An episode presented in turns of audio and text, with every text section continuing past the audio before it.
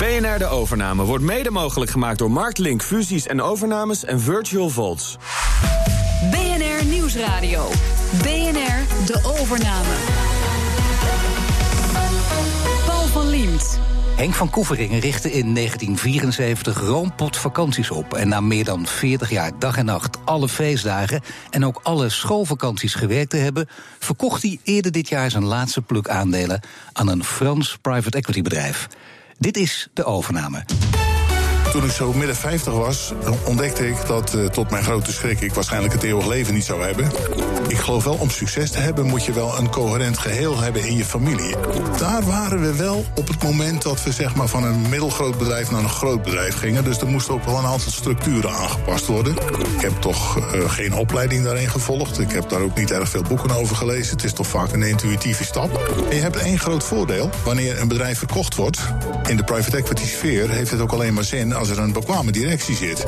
Maar ik heb in mijn leven minstens, ik denk 15 familiebedrijven overgenomen. Waar ik eigenlijk alleen maar verdriet gezien heb. Ja, Henk, ik zou bijna zeggen, wat zijn je plannen deze kerst? Uh, ja, dat is de eerste keer dat ik zelf mag bepalen wat ik met kerst ga doen sinds 40 jaar. Dat is jongen, heel verbazingwekkend. Jongen, jongen, jongen, dus, uh, en mijn vrouw zegt, we gaan uh, vakantie houden. En dat we gaan tien dagen met plezier op vakantie. Ja, met plezier. Ik kan me voorstellen dat je dat zegt, zeker als je vrouw ook meeluistert. Maar misschien denk je zelf wel, lekker, ik ben 40 jaar gewend heerlijk te werken. En nu moet ik opeens een vakantie met de kerst. Nou, ik heb altijd met heel veel plezier gewerkt. En ik, ik, zou het nog met, ik doe nog met plezier van allerlei dingen. Maar het is ook best wel een keertje fijn als je zelf mag beslissen wat je doet. Het is soms toch ook wel eens na lange tijd fijn dat je kan zeggen: Nou, ik doe het dit keer dus niet, of ik doe het eens anders. Nou, ik doe nog één poging. Ik ben ook gek om mijn werk, ik snap het heel goed. Dus ik zeg het ook altijd dan uh, tegen mijn hele omgeving. En fijn, we hebben nu tijd. Maar ik vind het eigenlijk nog fijner als ik uh, lekker mijn werk kan doen. Nou, ik weet zeker dat als ik een dag of vijf onderweg ben, dat ik denk: verhip zeg, ik zou eigenlijk best nog. Nou, dat denk ik dan eigenlijk. Nou, heeft het ook met, met de hectiek te maken natuurlijk. Uh, altijd er bovenop zitten, altijd de spil ook zijn van alle activiteiten waarschijnlijk. En dat is anders op vakantie. Ja, en we hebben wel gereisd samen met mijn vrouw, maar dat was altijd met een zakelijk doel. Dus dan kwamen we elders in de wereld aan en dan stond er alweer iemand te wachten die zei: Kom, wij gaan dit of dat doen. En ik zal nu voor het eerst voor lange tijd zelf mijn programma moeten invullen. Dus en nu zeg je vrouw: We gaan leuke dingen doen, wat? En we gaan boodschappen doen hier. Nee, nee, nee, nee, nee, nee. Mijn vrouw is heel serieus. Die heeft een heel plan gemaakt met van alles en nog wat wat we te doen hebben. Ik denk meer dan dat we aan kunnen. Dus dat gaat lukken. Je hebt de Roompot, groot bedrijf. Dat heb je niet in één keer verkocht. Daar heb je een, een hele verkoop over, over jaren uitgespreid. Ik geloof een jaar of 16 in totaal heeft het in beslag genomen. Waarom heb je gekozen voor die gespreide verkoop? Toen ik zo midden 50 was, ontdekte ik dat uh, tot mijn grote schrik ik waarschijnlijk het eeuwig leven niet zou hebben. En dat er dus een moment komt dat je moet ophouden met dit werk. En je kunt wachten tot je stropdas in de soep hangt. Kun je voorkomen door geen soep te nemen natuurlijk. Ja. Of geen stropdas. Ja. Maar uh, ik, ik had toch het idee, ja, ik, ik moet een maatregel nemen om op enig moment dit bedrijf verstandig over te dragen. Nou, er waren een aantal stappen die genomen moesten worden. Allereerst de aandeelhouders die er van begin waren. Lokale mensen, aardige mensen die waren op een leeftijd dat ze eigenlijk niet meer mee konden in deze grote onderneming. Dus die moesten uitgekocht worden. Lastige boodschap ook? Uh, dat is een lastige boodschap. Maar je moet het goed voorbereiden. En je moet ook niet zuinig zijn om ze uit te betalen. En achteraf had ik het idee dat die mensen toch blij waren. Want die waren op een leeftijd dat ze hun kinderen moesten vererven. Of, en dan is natuurlijk toch een stukje aandeel roompot minder makkelijk dan gewoon geld. Dus dat ging eigenlijk best goed. Maar dan krijg je een tweede probleem. Hoe gaan we dan weer verder? Ja. En dan moet je een nieuwe aandeelhouder zoeken. We hebben die gevonden in private equity. En dat was best een hele verstandige stap, vind ik achteraf. Maar heb je die zogenaamd, of, of heb je die toevallig gevonden in private equity? Of was het een zeer bewuste keuze om juist private equity te kiezen? Nou, dat was toen eigenlijk in het begin van de, van de eeuw eigenlijk nog best een beetje nieuw. En ik moet eerlijk zeggen, de ABN AMRO Bank heeft me daar uitstekend mee geholpen om die te vinden. Om een passende te vinden. Want het moet natuurlijk qua omvang ook passen bij jouw omgeving. Ja. En dat is goed gelukt. Dat was ook een prettige samenwerking. Ik ben gewoon directeur gebleven zoals altijd. Ik heb mijn werk kunnen doen zoals ik het altijd Alleen ik had financieel een wat stabielere en, ja, we zeggen, meer bekwame partner in het bedrijf. Ja, dat is het voordeel. Het nadeel kan zijn dat het toch uiteindelijk botst uh, met je eigen visie als ondernemer. Nee, dat heeft het nooit gedaan. Ik heb altijd plezierig met die mensen gewerkt. Uh, natuurlijk heb je wel eens meningsverschillen, maar dat heb je met elke aandeelhouder. Maar nooit vervelend, nooit naar. Gewoon... Waar gingen die meningsverschillen over? Nou, vaak over dingen van, uh, zullen we iets uh, financieren op die manier of financieren op die manier? Nemen we dat risico wel of nemen we dat niet? Maar wanneer wij vanuit de directie zeiden, wij vinden het onverantwoord, heb ik eigenlijk nooit moeten vechten om dat voor elkaar te krijgen. Dan was het zo, punt. Dat is wel opvallend, want je hebt het dus niet aan één, maar geloof aan in totaal vier private equity partijen ja. verkocht. Ja, ja, inderdaad. Ja, ik je raakte er bijna verslaafd. Ik ben een ervaringsdeskundige. Ja. Na een paar jaar was deze partij, uh, zag een mogelijkheid om met redelijk rendement de, de volgende stap te maken. En wij waren inmiddels ook weer groot, groter geworden. Dus een wat grotere private equity partij zou ook bij ons passen. Toen zijn we dus bij ABN AMRO Capital terechtgekomen. Nou, dat was ook weer eigenlijk ja, heel plezierig. Daar waren we wel op het moment dat we zeg maar, van een middelgroot bedrijf naar een groot bedrijf gingen. Dus er moesten ook wel een aantal structuren aangepast worden. Waarvan ik, dat moet ik eerlijk zeggen, in het begin vond van nou, nou, nou, moet dat nou zo? Maar kun je een voorbeeld noemen dan? Nou ja, we hadden bijvoorbeeld kwartaalrapportage. En zo'n bedrijf zegt, wij willen maandrapportage. Ja. En dan denk ik, nou joh, je weet toch wel hoe dat ongeveer... Maar nee.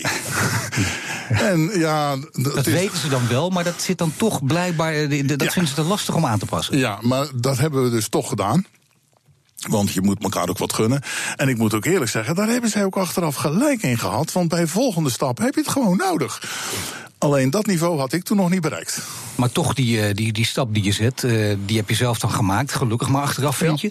Maar toch, eh, je bent wel een man die volgens mij liefst in kleine ondernemingen denkt, in kleine groepen mensen denkt. Ja, dat hadden we van begin aan gedaan. De Roompot was een conglomeraat met allerlei activiteiten: projectontwikkeling, automatisering, uh, externe inkoop van ver over zee. Dat hebben we allemaal in aparte besloten vennootschappen gedaan. Uh, niet te vergeten onze beleggingsmaatschappij.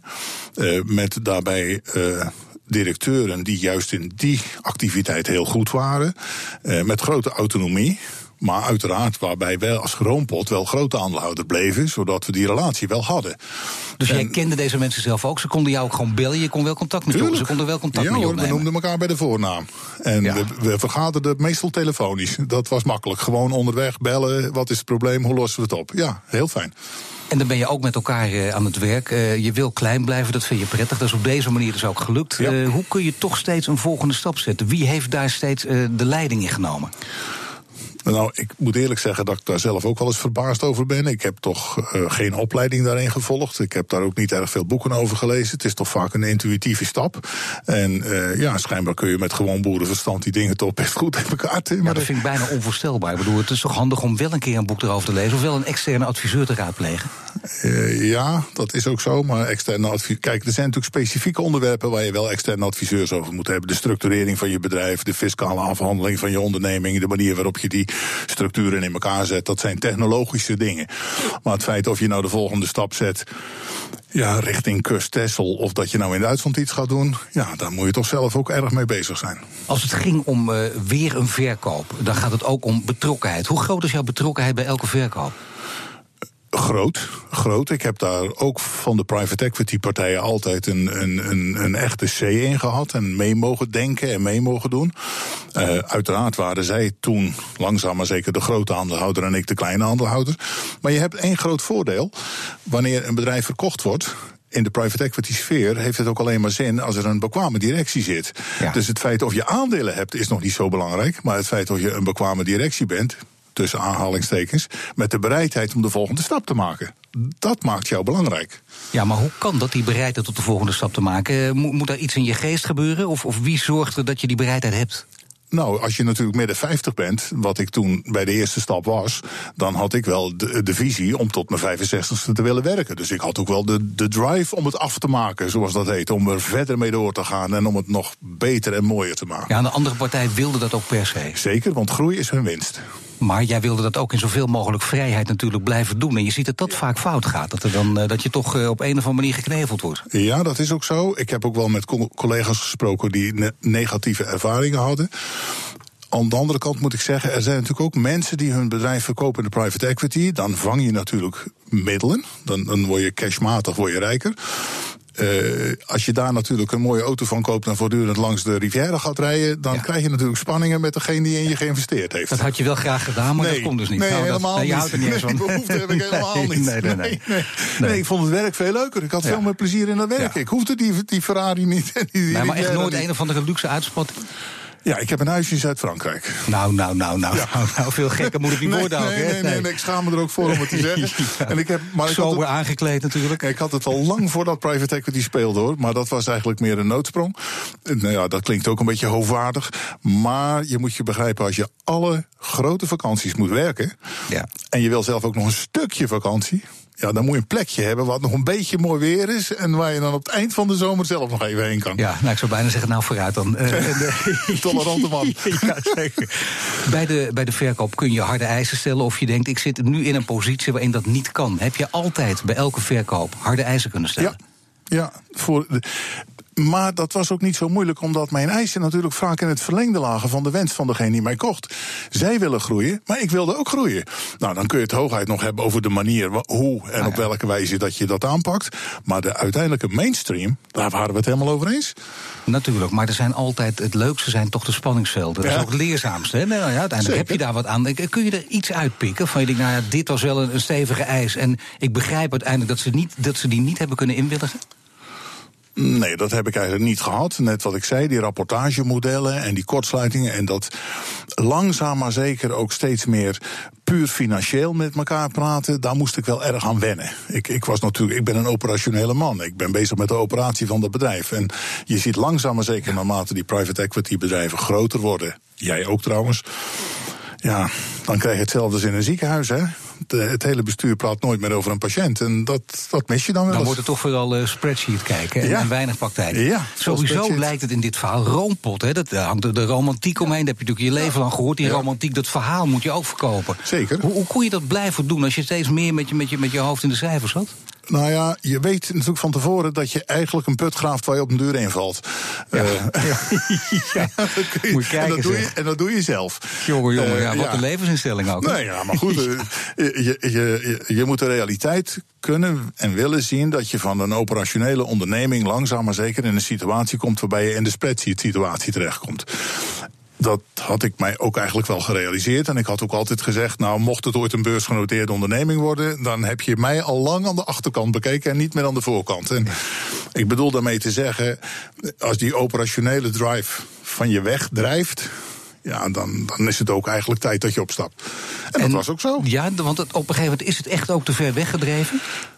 Nou, ik had gedacht, ik wil werken tot mijn 65ste. En wonderwel is dat goed bij elkaar gekomen. Dat ik zeg, nou, ik heb nu een andere opvolger. die eh, zeg maar op een andere manier tegen die onderneming aankijkt. Dat ook vanuit een andere eh, hoek benadert. En dat is goed. Dat is goed voor de onderneming. Daar ben ik ook heel blij en trots mee. Maar dan wordt het ook best tijd dat ik het niet meer doe. Ja, die opvolger is geen familielid. Daar gaan we het zo meteen over hebben. Nee, Want straks, waarom Roompot geen familiebedrijf heeft. BNR Nieuwsradio. BNR De Overname. Henk van Koeveringen stond 40 jaar op en ging naar bed met zijn bedrijf Roompot. Toch heeft hij nooit de ambitie gehad om het over te dragen aan zijn kinderen. Dan denk je inderdaad, Henk, dat is gek. Eh, geen groot fan van familiebedrijven. Laten we daar dan maar mee beginnen. Waarom niet?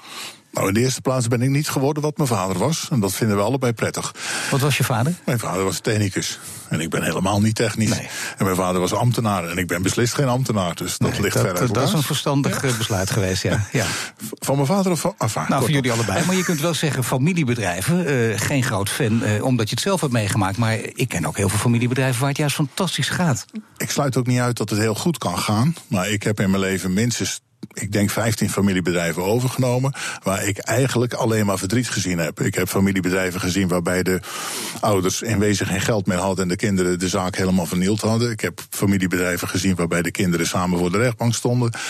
Ik heb familiebedrijven overgenomen waarbij de partners na de passage van de akte bij de notaris elkaar geen hand gaven. Ja, dan weet je dat het dus schijnbaar erg ingewikkeld is. Nee, dat is inderdaad wel een indrukwekkende reeks als je hem zo opsomt. Maar eh, denk je niet dat iemand hier tegenover een andere indrukwekkende reeks kan opsommen? namelijk eh, alleen maar eh, positieve verhalen over familiebedrijven. Oh, absoluut, nee, maar dat geloof ik zeker. Uh, maar ik wilde het risico toch niet nemen in die zin dat ik mijn kinderen gezegd heb: neem een goede opleiding, prepareer je voor de toekomst. En als je op je twintigste stampvoet voetend voor de deur staat en met pijl en boog gewapend je vader wil dwingen, dan gaan we erover praten. Ja. Maar zie ik dat niet, dan hoor je van van mij niks. Dat zijn wel uh, stevige uitdagingen en hoge drempels. Inderdaad, ja, dat is niet gebeurd. Dat is niet gebeurd. Het is ook niet in die richting gegaan. Nee. Met andere woorden, nee, heeft er nooit een van de kinderen Nee. enig interesse getoond? Jawel, die kinderen hebben natuurlijk in het bedrijf altijd als uh, uh, seizoensarbeider gewerkt in Ja. de zomers. Die hebben geserveerd, die hebben surflessen gegeven en allerlei leuke dingen gedaan. Vonden het bedrijf ook heel erg leuk. Maar, en wilden ook wel in het zakenleven, maar niet in dit zakenleven. Komt dus- Zo leuk vonden ze dus blijkbaar niet. Het kan ook zijn dat je het inderdaad ziet en denkt dit nooit. Nee, er komt misschien nog een andere factor bij. Uh, het bedrijf waar ik in zat is, en versta het woord niet verkeerd, is een beetje asociaal. Ik bedoel niet dat wij niet deugden. Ik bedoel nee. te zeggen, wij leefden altijd tegen de stroom in. Dus als een ander vakantie had, hadden wij het niet. Als een ander ja. barbecue ging vieren, dan moesten wij werken. Ja. Als een ander zei, we gaan iets leuks doen, dan moesten wij eens aan de slag. Tuurlijk. En daar moet je wel tegen kunnen. En dan Jij moet je, kon er blijkbaar heel goed tegen. Ik kon er heel goed tegen. En mijn vrouw ook. Even toch als je in de spiegel kijkt. Je kon er heel goed tegen. Tegen een asociaal leven. Dus, dus ben je asociaal. In die zin wel. Ik, In heb die dus, ook, ik, heb, ik heb dus ook weinig uh, vriendenrelaties kunnen opbouwen. Niet omdat ik niet amabel genoeg was om vriend mee te zijn. Nee. Maar als mensen zeggen, zullen we zondagmiddag gaan zeilen? Zeg ik, nee, ik moet werken, maar misschien wel maandagochtend. Nou nee, dan moeten zij werken. Toch heb je dat steeds gedaan, omdat je het werk uiteindelijk het belangrijkste vond. En het leukste. En het leukste. Ik heb er altijd ontzettend van genoten. En ik heb natuurlijk van mijn klanten genoten. Ik heb genoten van mijn medewerkers. Ik heb genoten van de omgeving waarin ik mocht, mocht functioneren. Komt misschien ook nog iets bij. Het leven van die enorme betrokkenheid en altijd beschikbaar zijn is natuurlijk makkelijker te leven als je uit een situatie komt waarin je niks hebt en iets kan worden. En is moeilijker wanneer je al heel veel hebt. Waarom wil je dan nog iets worden? Ja, dat gold dus voor jouw kinderen. Ja. Zijn, zijn jouw kinderen overigens wel uh, de richting, richting van uh, de ondernemerswereld opgegaan? Ja, ze werken allebei keihard. Ze hebben allebei een onderneming, maar hun eigen onderneming. De een die zit in de private equity, heeft een kantoor in Den Haag. En de ander ja. zit in het heel andere gebied, die zit in de, in de luchtvaart.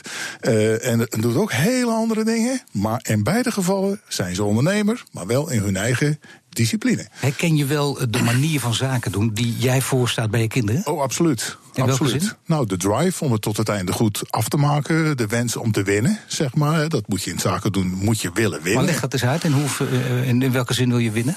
Nou ja, als mijn, uh, mijn, mijn, dochter in Den Haag een bedrijf overneemt, dan is het natuurlijk altijd vechten met anderen die het ook over willen nemen. En dan, dan wil je toch tot, uh, ja, dan wil je winnen. En dan wil je ten koste van alles winnen. Ja, en dan kan het zo zijn dat je s'nachts pas om half drie thuis komt en dat je om vier uur nog een mailtje uit Amerika ja, maar dat klinkt netjes en heeft met hard werken te maken en inzet. Maar het heeft ook te maken natuurlijk met willen winnen, met, uh, met vals spelen af en toe. Nee, nee, nee. nee Elleboogjes erin zetten? Nee. Tot het uiterste gaan? Nee. Nee, daar ben ik altijd tegen Allemaal geweest. nette mensen. Uh, het lijkt me ook helemaal niet nodig. Het is helemaal niet nodig. Ik heb ze altijd volgehouden. Je moet om te beginnen nooit om iets liegen. Je moet zeggen zoals het is. Want je kunt natuurlijk verhalen vertellen wat je wil. Twee dagen later is het toch bekend dat het anders was. Nou, maar laat ik zeggen, in boeken heet het technieken. Maar eh, in, in de praktijk zijn het vaak trucs. En je kunt ook trucs toepassen. Nou, ik ben niet zo van de trucs hoor. Ik, ik vind dat helemaal niet nodig hoor. Dus je kunt gewoon rijk worden en succesvol uh, zonder door, dat allemaal. Door gewoon, door gewoon je ding te doen en je woord na te komen. Dat laatste vind ik uiterst belangrijk. Ja, dan moet ik zeggen dat ik bijna nooit iemand hoor die in het openbaar toegeeft. Nee, ik heb het uh, echt uh, over de rug van anderen gedaan met hele smerige trucs. Maar die zijn er natuurlijk ook, hè? Ja, maar ik heb in mijn leven nou niet gezien dat mensen met smerige trucs nou een langdurig succes hadden. Die zullen er ongetwijfeld zijn waarvan ik niet weet dat ze smerige drugs hebben toegepast. ja, dat maar, zijn de allersliefste. dat zijn natuurlijk de beste. Maar ja. ik ken er wel een aantal die smerige drugs hebben toegepast. waarvan ik gezien heb dat het tenslotte niet goed afgelopen Kun je er is. eentje noemen? Of, uh... Dat zou ik liever niet doen. Dat dacht ik al. Uh, je vrouw die heeft, uh, die heeft misschien nooit gezegd: uh, hou eens op, Henk, met het asociale leven. We gaan, er nu, we gaan nu leuke dingen doen. We gaan gewoon blijvend aan naar Zuid-Frankrijk, naar ons mooie huisje. Absoluut niet. Mijn vrouw is uh, zakelijk ook gedreven. Die heeft zich bezig gehouden met uh, heel de bouw die we vaak gedaan hebben. In de architectuur, in de bouw. Mevrouw heeft veel verstand van bouw. Uh, mevrouw heeft een onderneming gehad die in het verre buitenland allerlei dingen kocht die wij nodig hadden in onze bedrijven. En of dat nou een vestiging in China was of een fabriek in Vietnam. die heeft dat soort dingen altijd gedaan. Maar als ik dit hoor, dan is het niet Henk van Koeveringen, maar mevrouw van Koeveringen. Die oh, ja. eigenlijk de drijvende kracht is. Dat wilde ik nou eigenlijk voorkomen in dit gesprek. ja. Nee, Sorry, maar, mevrouw van Koevering. Nee, het is wel zo dat je... Ik geloof wel, om succes te hebben... moet je wel een coherent geheel hebben in je familie. Ik zie ook mensen die jammer genoeg uh, tijdens de rit scheiden of de familie uit elkaar valt. En dat, is dan, dat eist dan vaak zoveel aandacht op dat je in wezen de drive voor je werk gedeeltelijk verliest. Overleg met, met, met een partner, zeker als, als het een goede relatie is, is heel erg belangrijk. Dat, dat blijkt in, in alle gesprekken die we in deze serie voeren. Maar uh, het kan natuurlijk ook uh, de overhand nemen. Dat wil zeggen, de vrouw kan zo dominant en sterk zijn. Dat de man af en toe denkt, had ik maar niet naar de geluisterd. Kijk, ik ben natuurlijk van mening dat ik altijd dominant geweest ben, maar dat zal iedereen op deze plek zeggen. Uh, maar laat ik het zo zeggen, hele belangrijke beslissingen hebben wij vaak toch wel aan de keukentafel voorbereid. En daar konden wij met verstand over debatteren. Kun je aangeven wanneer ze jou op een, op een andere been heeft gezet? Nou, toen ik zo uh, midden 50 raakte, dat is nou een vitaal moment. En dus inderdaad in de wildwoeste stoere drang bezig was om die onderneming groter te maken. Dan is mijn vrouw wel iemand die zegt na 55 komt over 10 jaar 65. Ja, het is simpele rekenkunde. Maar het is handig dat iemand het tegen je zegt. Ja, maar ik zou dan denken als iemand tegen me zegt... Uh, extra mijn best doen, want inderdaad het is nog maar 10 jaar... dus ik kan nog 10 jaar nou, vlammen. Dat zei ze ook. Doe jij rustig 10 jaar je best... maar wij moeten wel een situatie creëren... dat wanneer je over 10 jaar erg je best gedaan hebt... je niet plotseling, zeg maar, een afgematte oude grijzaard bent... en niet meer nee. in staat bent om dat kindje wat je gemaakt hebt, om dat bedrijf wat je gebouwd hebt, met fatsoen door te geven. Maar je bent geen afgematte oude grijsheid, dat kan ik de luisteraars hebben nee, deze bevestigen.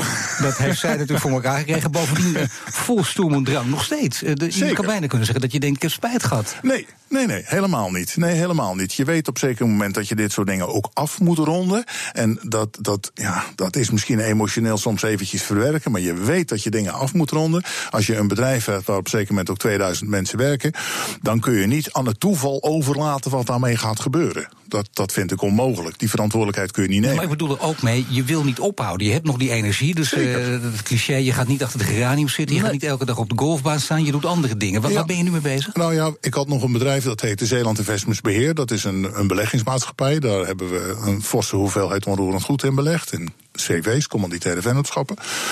En dat is uh, een uitdagende onderneming.